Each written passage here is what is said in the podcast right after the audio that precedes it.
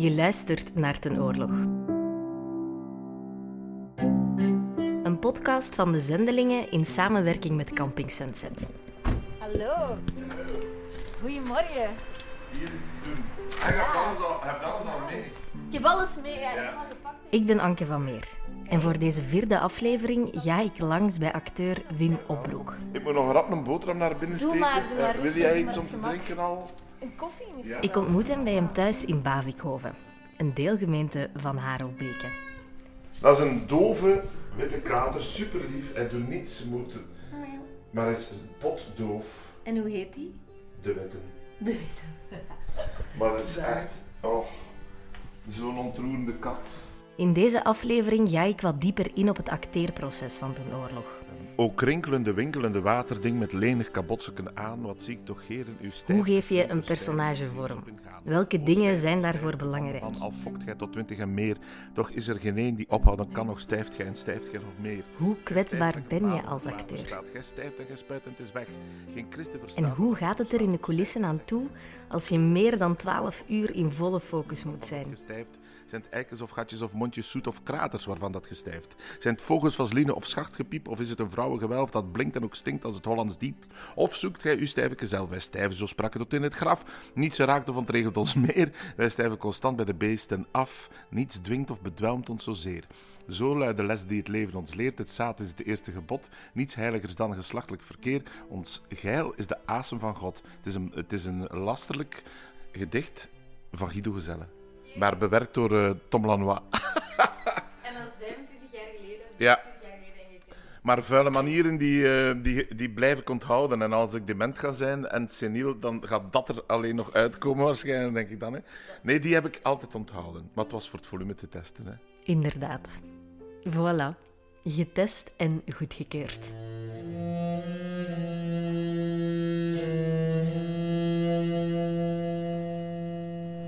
Mijn moederloze neef, niets kan vermijden.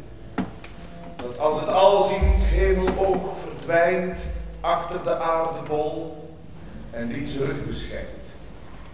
Geboefte werig tiert, in schim en schemer. Vredaardig. Wim Opbroek speelde 24 jaar geleden verschillende rollen in Ten Oorlog. Hij speelde onder meer Richard Deuxième, hij speelde ook Falstaff en dan nog een paar andere kleinere rollen, zoals Radcliffe. Helemaal op het einde, na, ik denk na 16 uur theater, was eigenlijk alleen nog Jan de Cler op de scène als eh, Richard de Modderfokker. En speelde ik, die de eerste koning was, als enige andere acteur nog van op het derde balkon, eh, riep ik hem nog een paar woorden toe. Sir, you have to go, it's dangerous, sir. It's Radcliffe, de leeuwerik is son. Kom u helpen met uw harnas, o Lord of Fire. Initieel waren die rollen anders verdeeld. hè. Ten oorlog is er dan heel veel, zijn er veel personeelswissels geweest, om het zo te zeggen. Waardoor we finaal veel meer rollen hebben gespeeld dan ooit eh, was bedacht door Tom en Luc. En wat daar heel interessant aan was, en niet alleen interessant, maar ook heel plezierig, was dat je plotseling veel meer eh, eh, van de een naar de andere rol kon switchen, maar waardoor die, hele War of Roses en die hele stamboom van acteurs en van koningen, alsof er een soort reïncarnaties gebeurden, of zoals het ook in zo'n koningshuis is, die bloedbanden lopen door. En die bloedbanden werden daardoor, naar mijn gevoel, wel duidelijker. Eh, maar het werd ook meer daardoor een speelstuk, meer nog een stuk van spelers, zoals het bij de Blauwe Maandag altijd was geweest. Het klinkt extra moeilijk, zoveel personages in één voorstelling spelen. Maar als ik Wim moet geloven, dan is het vooral een voorrecht.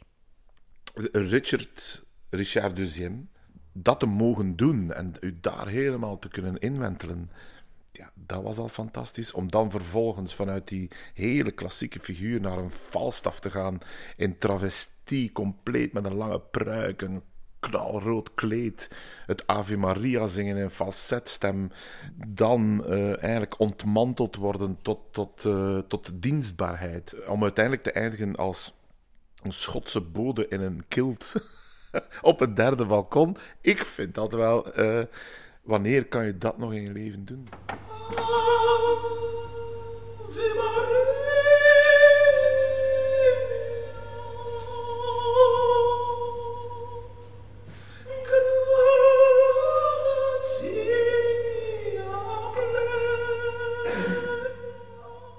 Ik speel Georges. Dat is een van de broers van Richard en Edouard. En een klein rolletje Leroy Louis. Je hoort hier Freek, een van de spelers van het derde deel van Ten Oorlog van Camping Sunset. Ik ontmoet hem en de andere spelers en makers op het eilandje in Antwerpen. Daar spelen ze deel 3, in een droogdok, een put, een soort van arena eigenlijk. En ook bij Camping Sunset zijn er dubbelrollen. Eh, ik speel Anna, de dochter van Warwick, eh, en heeft een iconische scène met Richard. Ik heb ehm, in deel 2 meegespeeld, toen was ik La Falstaff. Daarna in ehm, ehm, Margaretha di Napoli, dus deel 2 van deel 2, speelde ik eh, Gloucester. En dan nu in deel 3 speel ik Margaretha. Ja, ik speel alleen mee nu in deel 3 en ik speel Elisabeth. Ja, in Somerset, maar die heb ik herleid tot een boom. Ik speel eh, Warwick, de Kingmaker. Dat werd gespeeld door eh, Wim Opbroek eh 25 jaar geleden. en ik speel ook hertogin van York. Dat is de moeder van de broers. Dat is mijn moeder. Ik speel koning Edouard, jouw zoontje.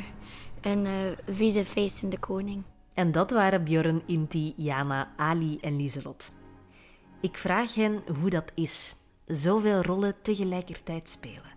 Ah ja, ik vind dat de max. Ik denk dat dat een cadeau is voor iedere acteur om eh, op zo'n korte tijd eh, van het ene naar het andere lichaam te gaan en u daarin te smijten. En eh, dat is denk ik ook waarom veel acteurs dat doen, die job. Lennart, een van de coaches, vertelt hoe ze de rollen verdelen. We verdelen de personages eh, door met z'n allen in een grote kring te gaan zitten. Dan eh, iedereen eh, benoemt dan welke personages die graag zou willen spelen. Eh, sommige personages zijn dan vrij snel verdeeld. En andere personages, daar zijn meerdere mensen die dat graag zouden willen spelen. En dan gaan we in discussie en daar hebben we niet per se een format voor. We vertrekken wel echt vanuit de verlangens van, van de spelers. En dan pas gaan we zoeken naar wat dat dan zou kunnen betekenen en wat dat dan inbrengt in de voorstelling. Ik heb ook wel het gevoel dat bijna iedereen stelt zich wel heel eh, collegiaal op of zo. En daarin zijn wij wel, denk ik, goed. En natuurlijk gebeurt het soms dat twee of drie mensen dezelfde rol willen met veel tekst. En dan wordt er gewoon beargumenteerd van, is er niet iets anders dat je ook ziet zitten? Of waarom vind je het zo belangrijk dat jij die rol zou willen spelen? Of welke verbeelding heb je daarbij? Eh, maar ik speel heel graag eigenlijk eh, kort en krachtig en veel verschillende personages in plaats van één dikke rol. Bij de verdeling van de personages had ik eigenlijk eerst negen personages. Dat is waar. Dat is waar, hè? Ja. Want eh, ik speel Warwick in het eerste deel eh, hier. En in het tweede deel eh, is hij er niet meer, want hij wordt eh, vermoord. Oh, dat is, Door mij ook? is dat een spoiler? Nee, dat, Nee, dat stuk is 20 jaar ja, geleden dat is waar. gemaakt. Dat is Dat oké. is geen spoiler meer. Iedereen gaat dood. Ja, dat is Shakespeare. Iedereen gaat dood. Voilà. Camping Sunset speelt het derde deel nog tot 9 september in Antwerpen. Twee dagen later spelen ze dan alles na elkaar. Een marathonversie van 6 uur wordt het. 25 jaar geleden duurde die marathon dubbel zo lang. En Wim Opbroek was daarbij. Dat was letterlijk ook een marathon. Hè. Dat was ook letterlijk dan eh, toch de avond ervoor eh, niet te diep in het glas kijken. En, en, eh, en we hadden ook een sportmasseur. Hè. We hadden, halverwege moest iedereen al wel een keer de kuiten gesmeerd worden, de, rug gestretched. We hadden een kinesist. er was permanent daar een catering. Iedereen... Was letterlijk wel een, een bad waar je in zat en, en niet meer kon uit. Je moest, moest blijven zwemmen tot, tot, tot op het einde. Ja, achter de schermen was dat eigenlijk zo'n soort scoutskamp waar je zo de hele dag door van activiteit naar activiteit host. Op eh, tijd en stond ook eh, eten en drinken, maar het was wel voortdurend van nu naar dat stuk, nu naar dat stuk, daar heb ik dit te doen, daar heb ik dat te doen, daar moet ik me daarop voorbereiden.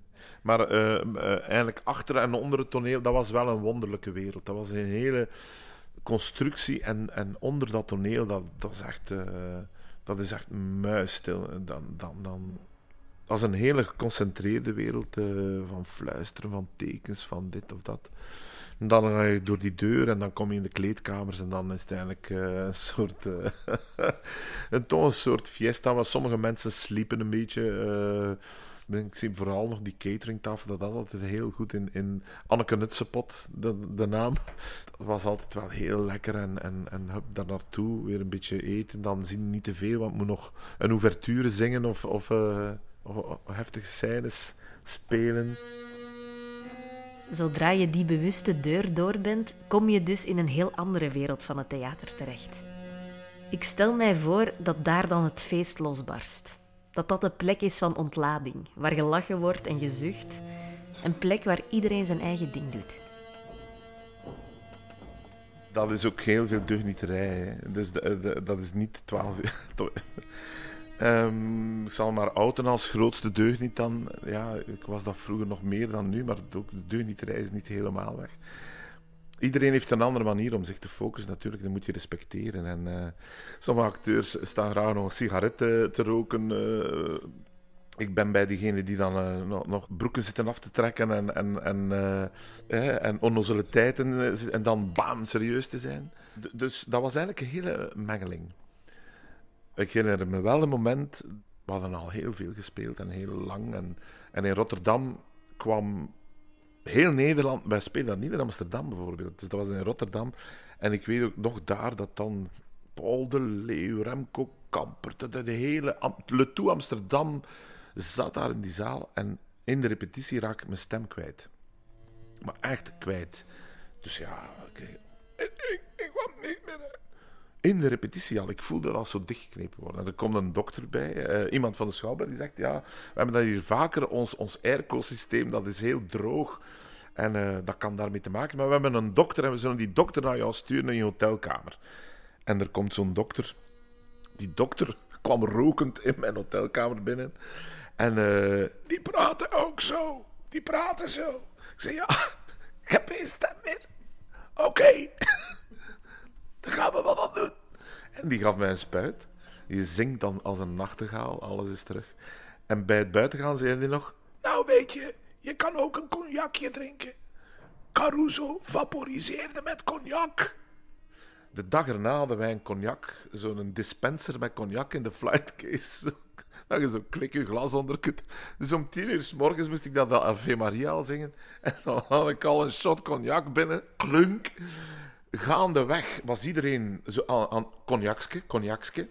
Na twee dagen heeft de productie gezegd, mannen, dat gaat hier niet meer door, die cognac moet weg. Hè. Maar dat was maar beter zo, want de cognac moest weg. En zo zaten we eigenlijk in een hele...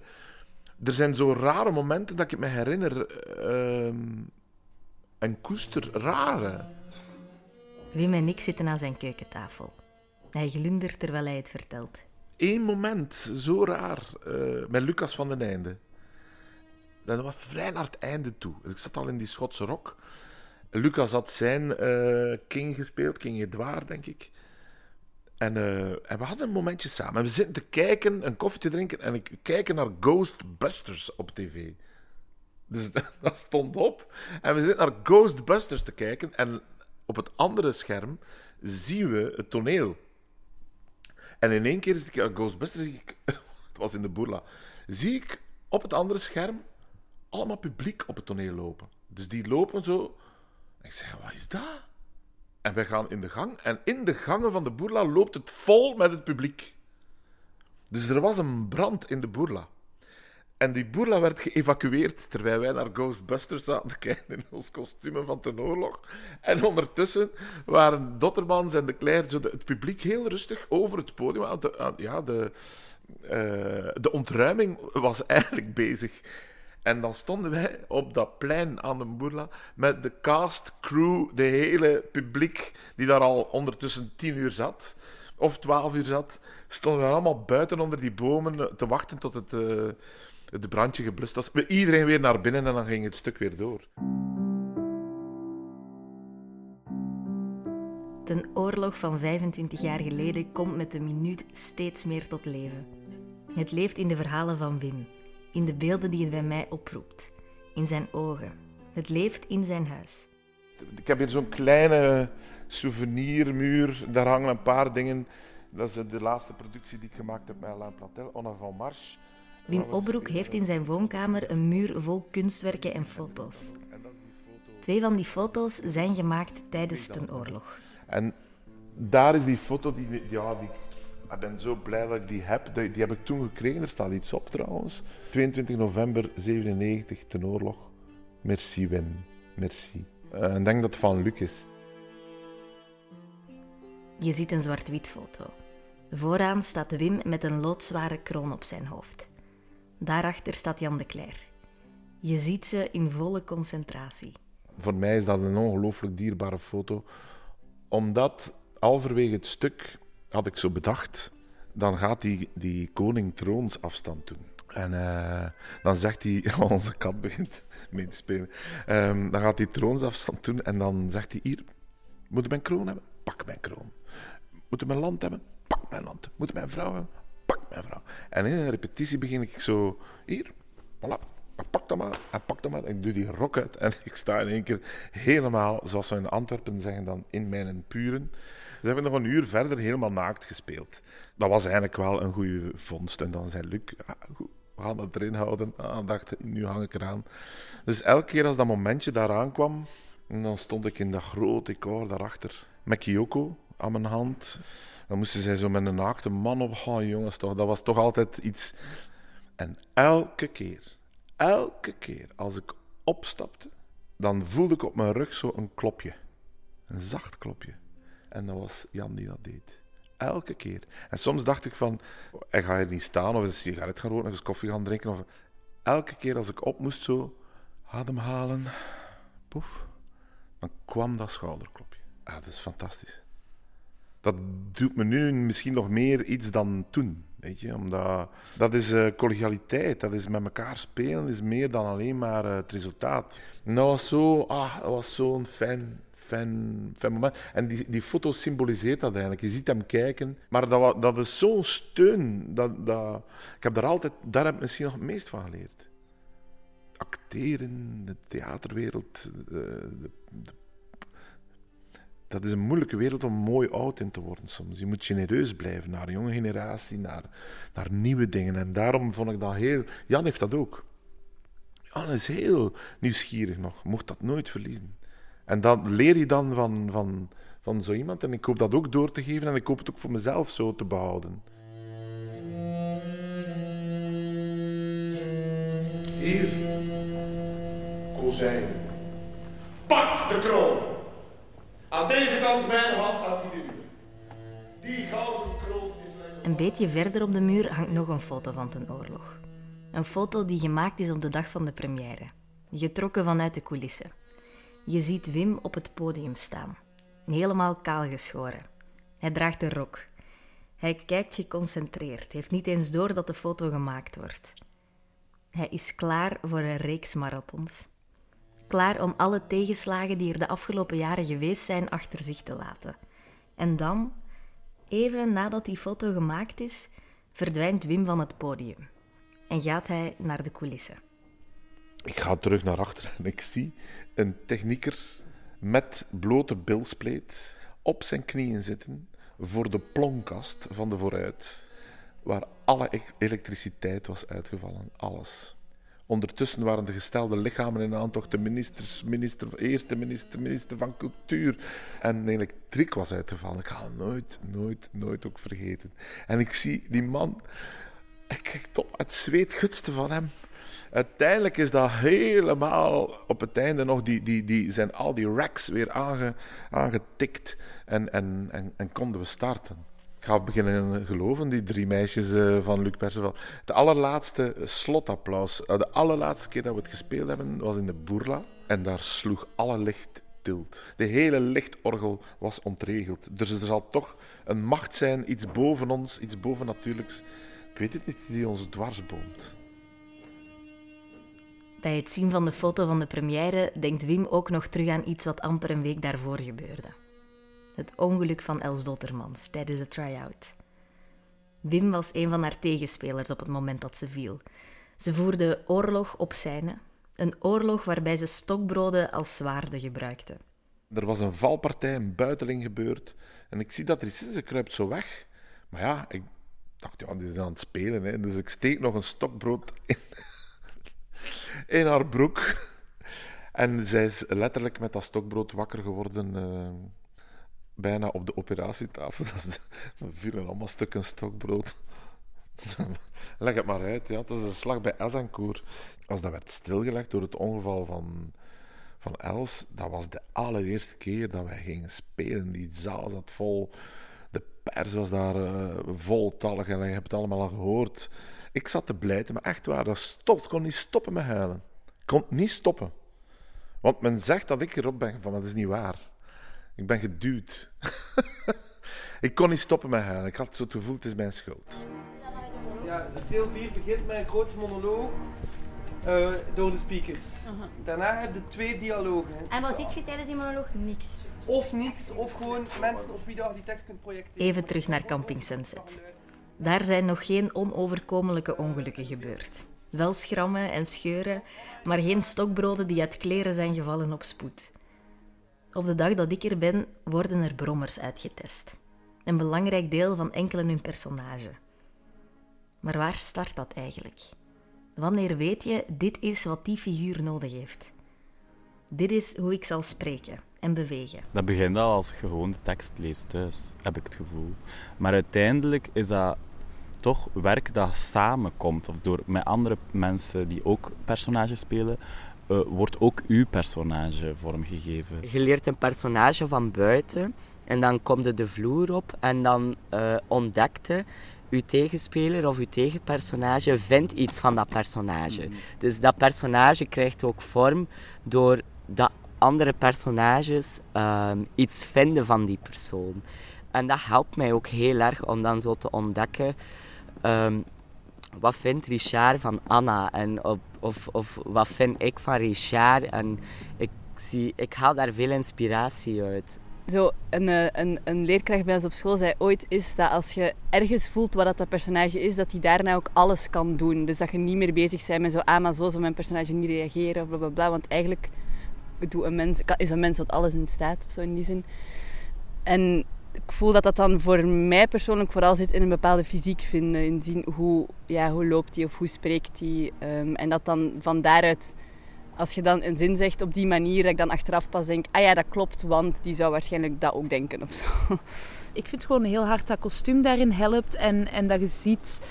Alleen nu heb ik ook van die gigantische grote hakken of zo, maar wa- waarom draag ik dit en, en hoe beweeg ik me dan voort of zo binnen de ruimte? Als ik mijn kostuum aan heb, dan is dat misschien een beetje zoals dat je zo plots op de juiste set staat. Of in de juiste, als je zo, dat dingen kloppen of zo. Ehm, of dat het makkelijker wordt om je in die wereld te wanen. Ehm, en vooral ook ja, zo dingen als als je plots hoge hakken aan hebt of als er echt dingen in je kostuum zijn die je fysiek beperken, kan dat ook helpen om, eh, om, om daarmee te moeten vechten. Dat dat een medespeler wordt eigenlijk. Alles, alle, alle omgevingsfactoren die, die, die hebben invloed op iets. En dat is super spannend en super leuk en super ja, uitdagend. Dat is ook hoe Wim er naar kijkt. Theater ontstaat niet alleen vanuit de acteur. De oorlog is geboren uit het idee van Luc. Luc heeft daar Tom bij gehaald. Tom heeft taal geschreven. Dan, dan, dan bedenk je met z'n allen, we gaan ons consequent aan die taal houden. Er is een kostumière, die, eh, die kostuums waren fantastisch. eh, Ilse, daar is we- altijd weinig aandacht voor. Maar bijvoorbeeld gewoon al... eh, de gesprekken met de kostumière zijn zo bepalend. En we hebben er veel gehad. En dan gingen we naar een naaister in Gent voor die rok te laten maken. En dat was in bepaalde sessies. Dat was echt een fenomenaal gouden rok. En dat gaf me eigenlijk veel meer al eh, een, een wegwijzer naar de rol dan iets anders. Dus dat is ook al, bepaalt ook al heel veel. En dan is dat voor mij zo belangrijk dat je gewoon samenspeelt. En zo simpel is het. Je bestaat niet zonder de anderen. Als niemand anders rond jou jouw koning maakt, dan besta je niet als koning. Zo simpel is dat. Dus er is geen recept of geen, voor mij geen menu wat ik altijd gebruik om tot een resultaat te komen. Dat, dat, dat is echt complex. Soms heb ik al bij bepaalde personages me historisch verdiept. En soms eh, La Superba heb ik gespeeld van Ilya Leonard Pfeiffer. Dan, dan ben ik naar Genua geweest, heb ik met Ilya daar rondgelopen, de bar van de Spiegel. Hier ben ik eigenlijk vrij eh, intuïtief op de taal gedoken. In de taal gedoken. En me niet te veel bekommerd over wie, was historisch, eh, hoe moet ik dat kaderen. Zie dat is altijd anders. En soms kan het ook zijn dat ik het blind in, in duik. Iedereen heeft zo zijn eigen manier om een personage vorm te geven. Via kleding, dramaturgie, coaches, met elkaar praten, verdiepen in de geschiedenis, op prospectie gaan of een combinatie van al die dingen. En ook voor de spelers van Camping Sunset ligt de focus bij iedereen ergens anders. Maar er is één ding waar zij niet onderuit kunnen. Eén ding dat alles beïnvloedt. Deel 1, deel 2, deel 3 en de marathon. Een van de grootste factoren hier is ook de locatie natuurlijk. Hè? Ja. Want wij zitten echt letterlijk in een put. Ja, wat is dat, een Een droogdok? kooi, een kooi of zo. Ja, Ja, dat is een een kooi. droogdok, een kooi. En daarom dacht ik, ah, Warwick, dat is een uh, leeuwentemmer ook. Al die prinsen zijn welpjes die de koning willen worden. Eh, gelijk de leeuwenkoning, Mufasa, Mm. Jufasa. En hier, dat is de leeuwentemmer. En daarom wil ik er als een leeuwentemmer uitzien ook. Eh, maar ik heb een snor. Maar je wel- ziet er al als een Ja. leeuwentemmer uit. ja, die put is heftig. Die put doet echt de helft van het werk, want het is letterlijk een uitputtingsslag. Nee, grapje. nee, maar eh, die locatie doet zot veel. De eerste dag voelde ik me echt alsof ik in een soort van gladiatorenput werd Ja, een gesmeten. arena. Een arena, dus dat is echt al een... Je voelt je zo nietig daarin en hoe verhoudt je je daar tegenover? Wij met de broers zijn meer als een soort hyena's, een soort een gevecht bijna met die locatie aan het aangaan, om zo, allee, zo'n haantjesgevecht. Het enige is wel dat het echt kapot gaat.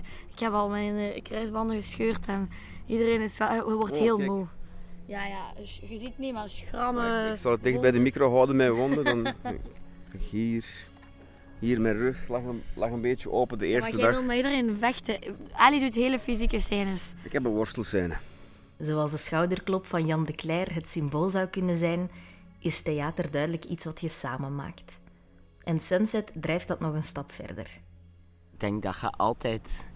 Dat dat toch een permis is van theater of zo. Dat je samen speelt en niet voor jezelf speelt. Anders dan in andere, dan andere gezelschappen waar ik al gespeeld heb, is dat je hier ook wel echt ehm, samen het maakproces draagt en samen eh, naar kostuums zoekt en samen naar passend geluid. eh, en dat, dat je functie een beetje vloe is. Waardoor dat wij eigenlijk één grote zee worden of zo, die, die in beweging is.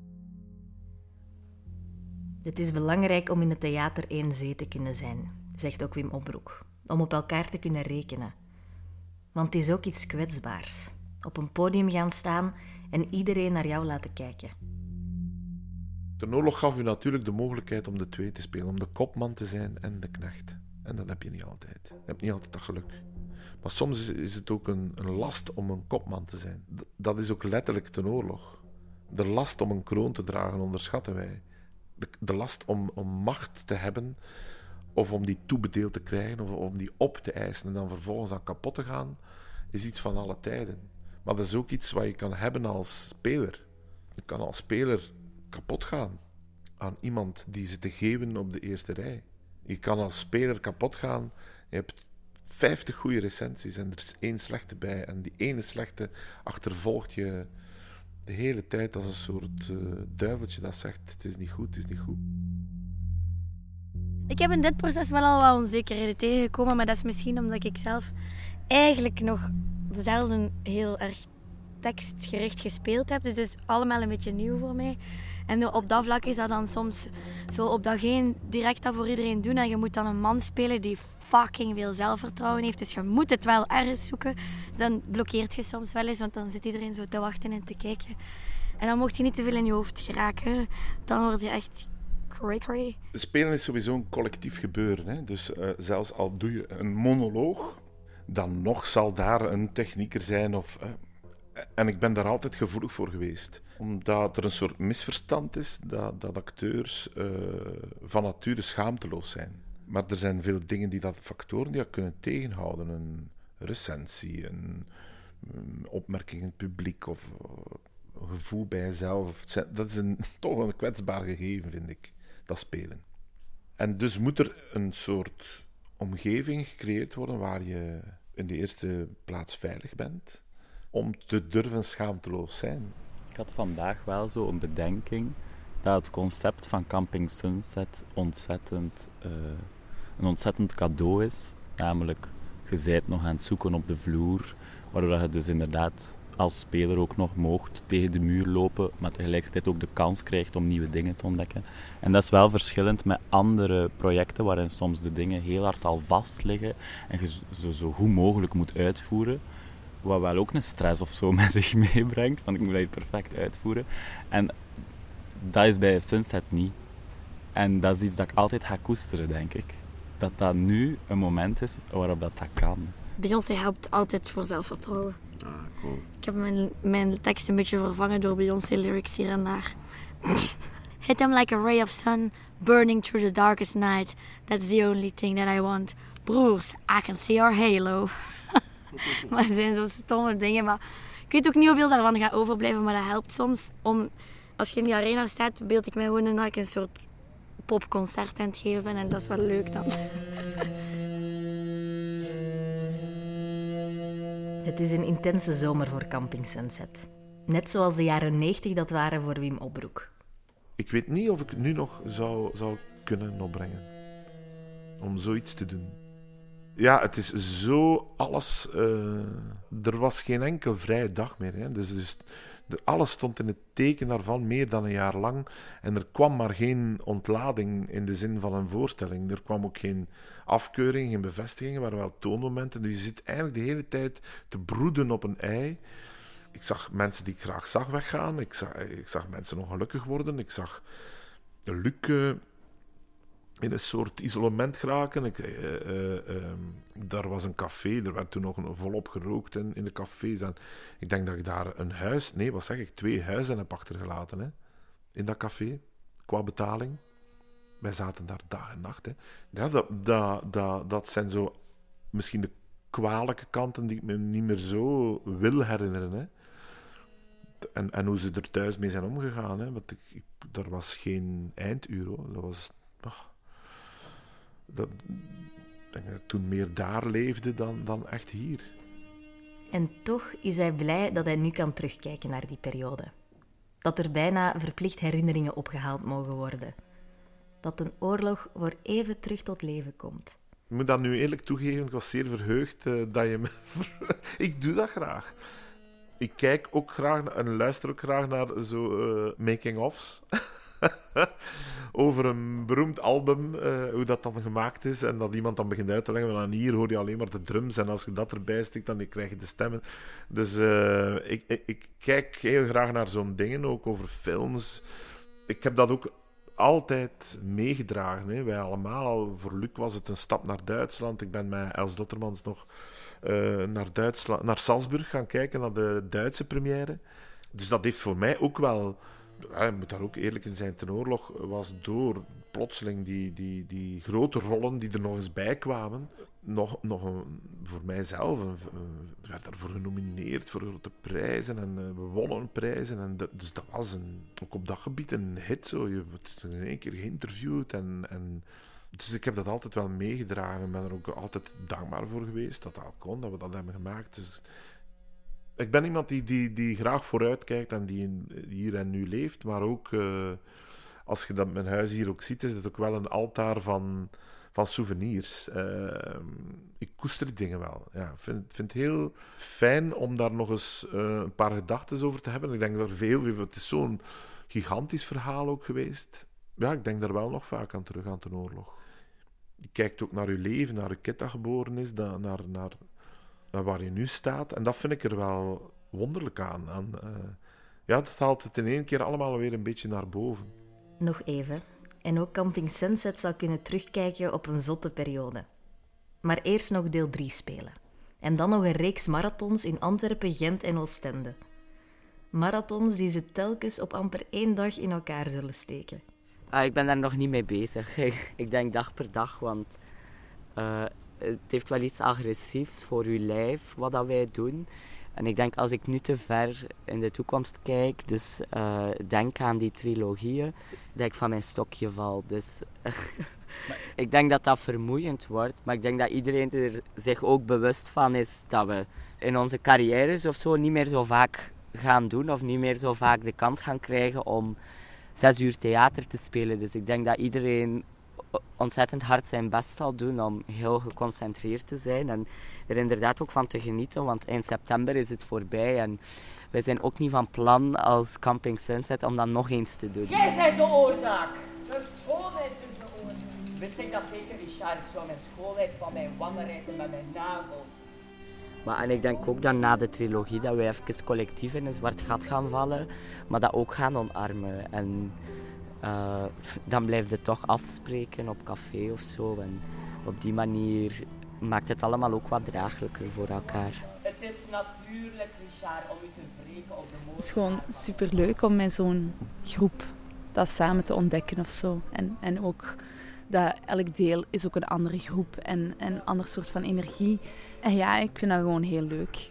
Ik heb dat altijd, een gemis. Ik heb dat altijd. En ik beschouw dat als een geluk, want dat betekent dat je eigenlijk nauwelijks producties hebt gemaakt waar het niet graag in zat. Als dat gedaan is.